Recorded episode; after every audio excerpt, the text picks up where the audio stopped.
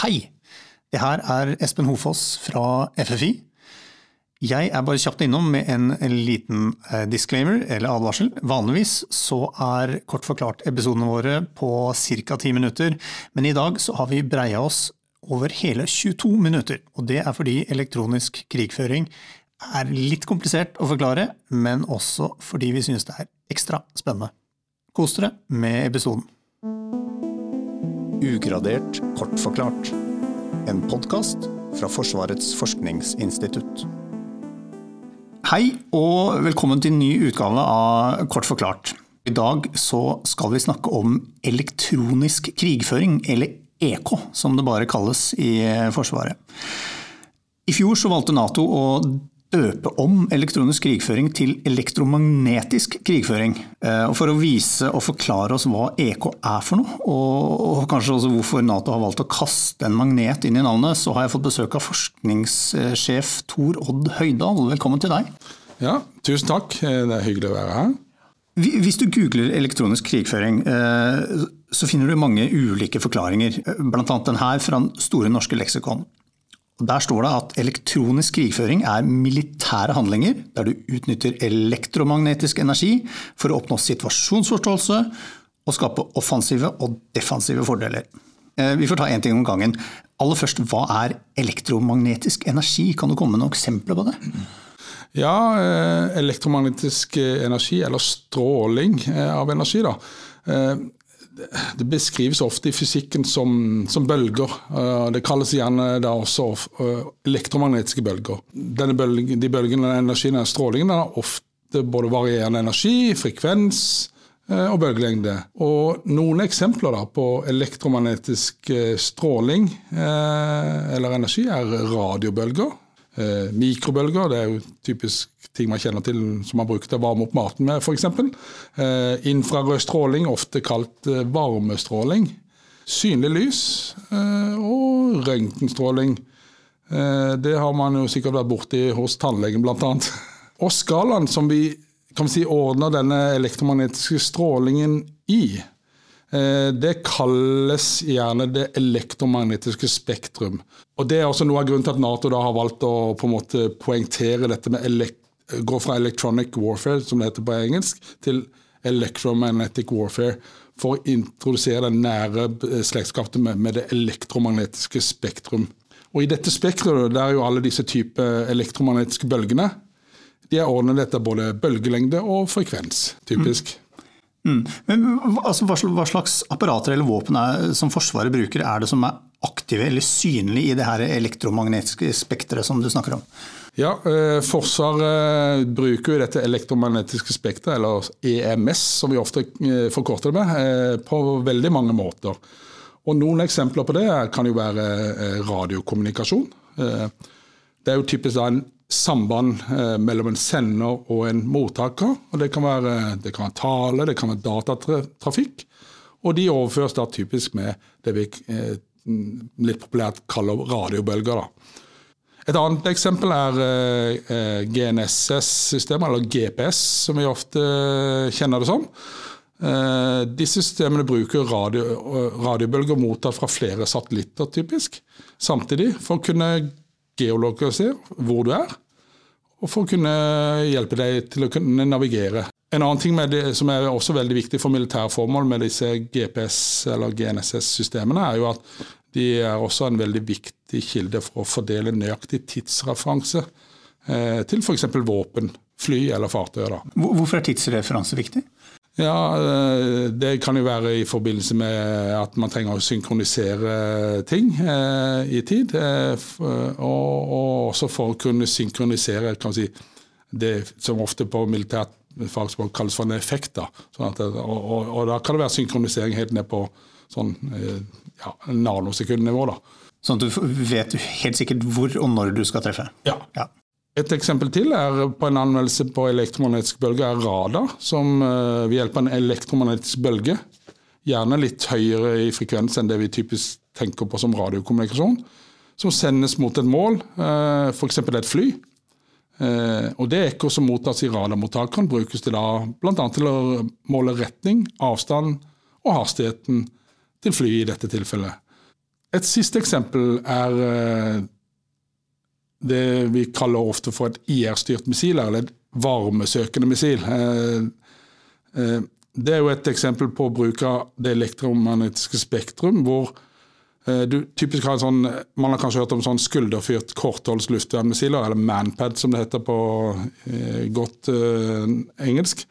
De avføres da typisk mot varmestrålingen fra et fly. Så det er kan si, den varmestråling som utskilles fra flyet, og kan mottas av en mottaker på, eh, eller en søker, en detektor i et, i et sånt varmeheimende varmeheimmende missil. Eh, og Felles for alle disse eksemplene er at det, det er jo det elektromagnetiske spekteret som er mediet som brukes. da. Nemlig. Men dere som jobber med det her, dere deler jo gjerne elektronisk krigføring inn i tre underkategorier. Angrep, overvåking og forsvar. Når vi snakker om elektromagnetisk angrep, hva er det for noe? Har du noen eksempler der? Ja, eh, Først vil jeg bare si at eh, all bruk av det elektromagnetiske spektrum det ikke er EK. Eh, for vi hadde jo eh, Det er jo eksempler her som jeg nevnte tidligere. Både radiosystemer og radarer, eh, radarsystemer bruker jo spekteret, men det er ikke EK. Eh, Når er det det blir EK, da? Ja, det, det, kan veldig kort fortalt deles inn i tre underkategorier, som du nevner. Eh, det første er jo det du kaller elektromagnetisk angrep.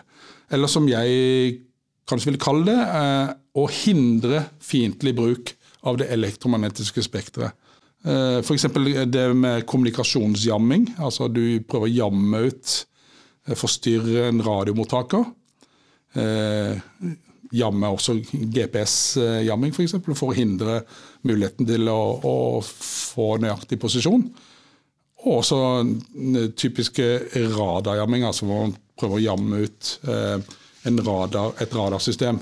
Felles for alle disse er at det er mottakeren i det systemet vi skal forstyrre. Altså, så, og, og, det gjør vi ved å få Den effekten vi ønsker å oppnå, er å hindre da, eh, fiendtlig bruk av spekteret. Ok, så, så, det viktigste med angrep er egentlig å hindre fienden i å bruke diverse virkemidler. Men overvåkning, da? Hva, hva er det vi kan oppnå med det? Elektromagnetisk overvåkning, eh, det vil jeg velge å forenkle og kalle det å utnytte fiendtlig bruk av det elektromagnetiske spekteret. Eh, eksempler på det kan være det detektere og peile retning til en radiosender, f.eks. Eh, og hvis vi da i tillegg kan ha flere sånne peiler, så kan vi da Eh, krysspeiler mellom flere mottakere og kan finne posisjonen til senderen. Det kan være et, et eksempel eh, på å utnytte spekteret, at noen da, eller i, i dette tilfellet finner, bruker spekteret. Eh. En annen eksempel er jo f.eks. radarvarsling, har man kanskje hørt om, i et fly. Det er da mottakersystemer i flyene som detekterer at, en, at et, en radar eller et radarsystem er rettet mot deg og gir da et varsel om at, det kan være, at du kan være detektert. Eh, Hvordan merker et fly det?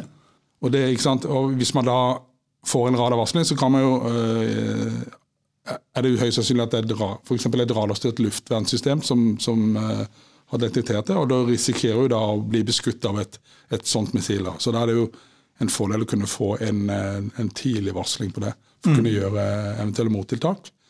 med å f.eks. å hindre da, og Felles for dette med å utnytte fiendtlig bruk eh, av eh, det elektromagnetiske spekteret, er at det er alltid senderen i, i, eh, i disse systemene som utnytter det elektromagnetiske spekteret, som vi utnytter. Det er ikke mottakeren. Så det, vi prøver å eh, eh, detektere eh, senderne, altså. Nemlig. Hvordan klarer vi å detektere sånne sendere? Ja, Det er jo forskjellige eh, mottakersystemer som eh, kan si, man, kan både eh, kjenne en karakteristika på, på, på, på bølgeformen, frekvens, ja, om det er høy effekt der, puls, mønstre osv. Jeg tenkte på Hva slags apparater er det som oppdager de karakteristikkene, og tar de imot? Ja, Det er jo da eh, på en måte egentlig en radiomottaker eller en radarmottaker, men eh, den har da typiske eh, systemer som gjør at man kan sammenligne og prøve å kategorisere det som ble mottatt. Mm, finne ut hva det er. Finne ut hva det er, ja. faktisk. Men hvis vi går over til forsvar, altså hvordan kan vi bruke elektromagnetisk energi for å beskytte vår egen bruk av dette spekteret? Ja.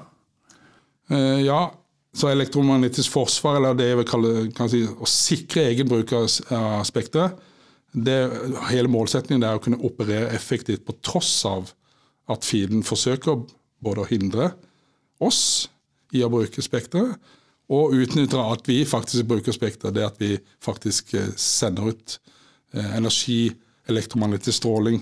Og eksempler på tiltak innenfor elektromagnetisk forsvar eller sikring av bruk av egen eh, elektromagnetisk spekter kan være eh, tiltak som f.eks. å bruke veldig lav effekt eller lite energi fra egne sendere, som gjør det vanskelig å detektere en, en, en fiende. Så i, i tillegg til f.eks. det mer si, teknologiske tiltak, det å bruke veldig lav effekt, så kan jo også teknologien brukes på en smart måte. Man kan eh, ha gode prosedyrer, eh, f.eks. la være å, sende. det kan jo være et tiltak, eh, eller eh, et forsvar, for å sikre egen bruk av aspektet. At man har eh, eh, prosedyrer. Og det krever også at vi trener på dette, at vi faktisk trener på at vi blir forsøkt hindret i å bruke spekteret, og at andre utnytter at vi bruker spekteret. Du må skaffe deg rutiner som gjør at du ikke blaster ting ut på eteren unødvendig ofte. Ja. ja. Så, så, Derfor er det også veldig viktig. Det er en veldig viktig del av det å drive med sikring av, av bruk av eget uh, elektromagnetisk spekter, er faktisk at du trener på å operere i et utfordret spektrum. Men Hvordan kan man, man trene på det da? Altså, du, ok, du er ute, du vil finne ut hvor du er. Noen jammer GPS. Hva er verdien i det utover at og nå ser du at nå vet jeg ikke hvor jeg er? Altså, hvordan kan man trene på det? Da kan man trene f.eks. prosedyrer med at uh, man må kanskje klare seg uten GPS en liten periode da, uh, i tid. Uh, og få ha en, en eller annen alternativ prosedyre på det. Kan være et, et tiltak. Nemlig. Litt sånn historien bak det her? Når, når var det elektronisk krigføring eh, som begrep oppsto? Altså, hva var det første slaget innen EK? Eh, ja, historien innen EK er jo ganske lang. Eh, kan man si Det første bruk av eh, det vi kaller for eh, elektroniske mottiltak eller elektromagnetisk krigføring, er er under, typisk under andre verdenskrig. Dette med chaff, sånne reflekterende metallstrimler brukt for å forvirre avledde radarsystemer. Som, som de slipper ut fra fly? Eh, slipper ut fra fly, typisk, ja. Og det ble gjort under den andre verdenskrig. Eh, dette var da metallstrimler som det var utvikla både av britene og tyskerne for å vanskeliggjøre radardeteksjon. Og egentlig mot slutten av krigen fikk eh, Storbritannia de fikk overtaket og videreutviklet EK med flybåndjamming også av, av, av, de tyske radarsystemene. Og da ikke bare og droppe ut masse sånne uh, chaff eller uh, strimler for å forvirre og lage masse falske mål på de tyske radarsystemene. Og ja, Et annet eksempel fra historien er jo i, fra 73, eh, Jom Kippur-krigen. Okay. Eh, dette er jo et eksempel på hva som kan skje når et land ikke har tilstrekkelig eh, forsvar eller EK selvbeskyttelse Eh, for der hadde det israelske luftforsvaret de hadde begrenset med sånne radarvarslingssystemer som jeg nevnte tidligere. Eh, og også jammer og mottiltak på sine fly. Eh, og resultatet var jo at det var bortimot 100 israelske fly som ble skutt ned av egyptiske luftvernsystemer i den krigen. Der lærte man jo the hard way ganske tidlig, og, så det ble jo og israelerne har jo satsa ekstremt tungt på innen EK siden. Eh, et annet eksempel er jo eh, eh, Desert Storm, altså fra 1991, den i konflikten i Irak. Der var det jo utstrakt bruk av egentlig dedikerte jammefly. Eh, som EK-støtte til bakkeangrepsfly for å undertrykke og uskadelig og fiendtlig irakisk luftvern i den tidlige fasen av operasjonen. Mm. Og I nyere tid da, så har vi jo selvfølgelig i, i Ukraina så i den første delen dagen av den russiske invasjonen i Ukraina så så vi utsatt bruk av russisk jamming eh, mot ukrainske luftvernradarer og kommunikasjonssystemer. Det var jo russisk GPS-jamming av vestlige våpen eh, som, som, er blitt donert til Ukraina. Har, har, også blitt rapportert at det har redusert nøyaktigheten en god del på, på noen av disse våpnene, så det har jo hatt en effekt. Og vi jo også, har jo også sett eh, det utstrakt bruk av EK, eller for, både for å finne og uskadeliggjøre ukrainske droner i, i den pågående konflikten. Men, men, den type jamming, altså er det noen som har knekt en kone eller funnet noen sånn beskyttelse mot det? Nei, Dette er jo da egentlig en sånn katt og mus-lek. Eh, så her er det mottiltak og tiltak. Det går i en sånn evig løkke. Så det er liksom alltid hvem er det som er, eh, er fremst i løkka her, da. Enhver eh, mottiltak vil typisk møtesatt beskyttelsestiltak. da, og Da vil du kunne prøve å unngå den sløyfen. og Da er det liksom alltid å være fremst i den loopen. Hvem er det som er fremst i dag, da? ja, si det. Eh, det er litt forskjellig, litt avhengig av hvilke systemer man snakker om. Men, eh, men, Vesten har jo vært sagt at man har på en måte sovet litt i timen innen EK, og, og, og russerne har jo brukt veldig mye tid på å bygge seg opp veldig mye både teknologi og ikke minst kompetanse og organisasjon for å drive elektromagnetisk krigføring.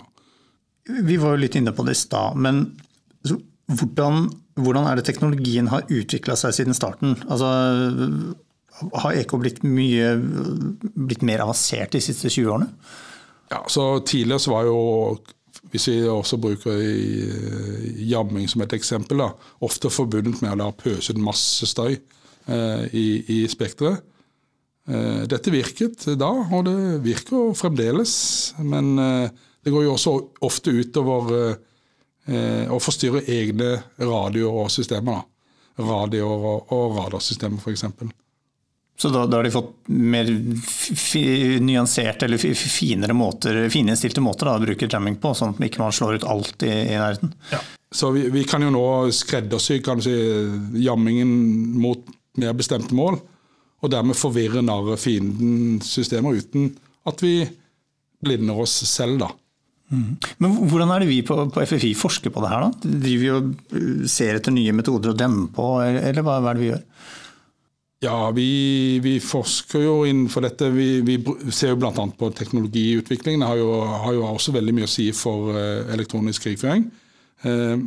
Vi, vi, har, vi, tar fram mye teknologiske prototyper og eksperimentsystemer eh, for bl.a. det å, å, se på radarjamming. Og vi bruker dette veldig ofte eh, for å demonstrere effekt eh, i, i, det vi kaller prøver og forsøk. Det vi ser er også at det tilfanget av disse truslene som vi ønsker å både detektere og påvirke, de er jo ikke det er ikke bare sånn du kan gå og hente på, på Elkjøp. Eh, så vi har også mye større tendens at vi i de senere årene hvor vi må gjøre mye mer modellering og simulering av disse målsystemene for å finne sårbarheter og svakheter som kan utnyttes.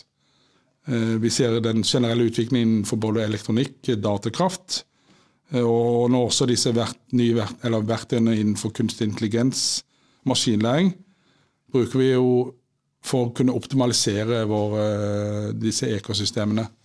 Innenfor dette med utnytte spekteret, så er det jo dette med overvåkning. Har, eh, man har kanskje hørt om eh, rombasert overvåkning, og FFI har jo utviklet bl.a. En, en rombasert overvåkningssensor i samarbeid med Nederland. Og det er i regi av noe som kalles for Smart Mill Space-samarbeidet. Og Der har vi da eh, skutt opp to eh, overvåkningssatellitter som skal fly i eh, tandem og brukes til å geolokalisere emittere på, eller sendere på overflaten. Det som er spesielt med dette, er jo også at vi ønsker å De områdene vi skal overvåke, er jo oppe i det høye nord. Da. Og der har vi jo spesielle behov. da. Nemlig. Da, det, da, må man ha egne satellitter for å få til det? Ja, ofte.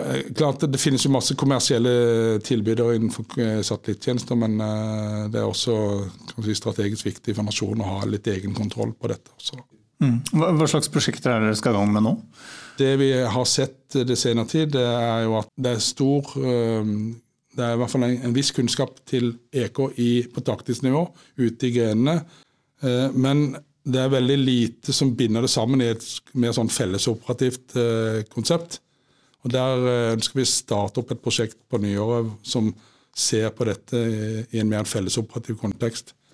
Mm. Ja, for det, er noe, si, det er vel ikke noe nytt, men det er jo en tendens i Forsvaret at det blir, skal bli stadig mer samarbeid mellom grenene. Ja. Så dere ser på EK-aspektet ved det?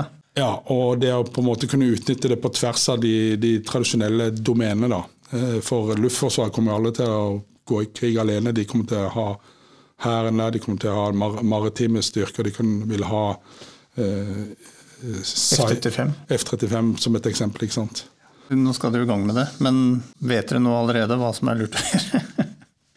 Har du noen hypoteser? Ja, vi, vi tror jo det at det å på en måte ved å, ved å samarbeide, så vil du kunne få ut en god del synergier. da. Eh, og, og, få en del ekstra effekt som gjør at, du, eh, at man kan ha en, både en større situasjonsoversikt eh, og også større mulighet til å kunne påvirke i spekteret. Mm. Og unngå å trø seg selv i, i beina også, og ødelegge for seg selv i spekteret. Og også dette er jo, Én ting er jo innad i nasjonen Norge. Vi skal jo også samarbeide med, i operasjonen da, med, med allierte Nato, så da er det viktig at vi er interoperable også i det elektromagnetiske spekteret. Og Dermed må, må, vi ha både kontroll over spekteret, vi må vite hvor våre egne sendere og mottakere opererer, og vi må vite hvor våre allierte venner eh, opererer i det samme spekteret. For å kunne både utveksle og ikke eh, forvirre hverandre. Vet du hva, Torod? Jeg har blitt uh, mye klokere i løpet av de minuttene. her. Det håper jeg dere som uh, har hørt på, har blitt også. Tusen takk for at du tok deg tid til å komme hit. Takk skal du ha. Vi er tilbake før dere der ute aner det, med en ny spennende podkast fra FFIs forunderlige verden. Takk for i dag.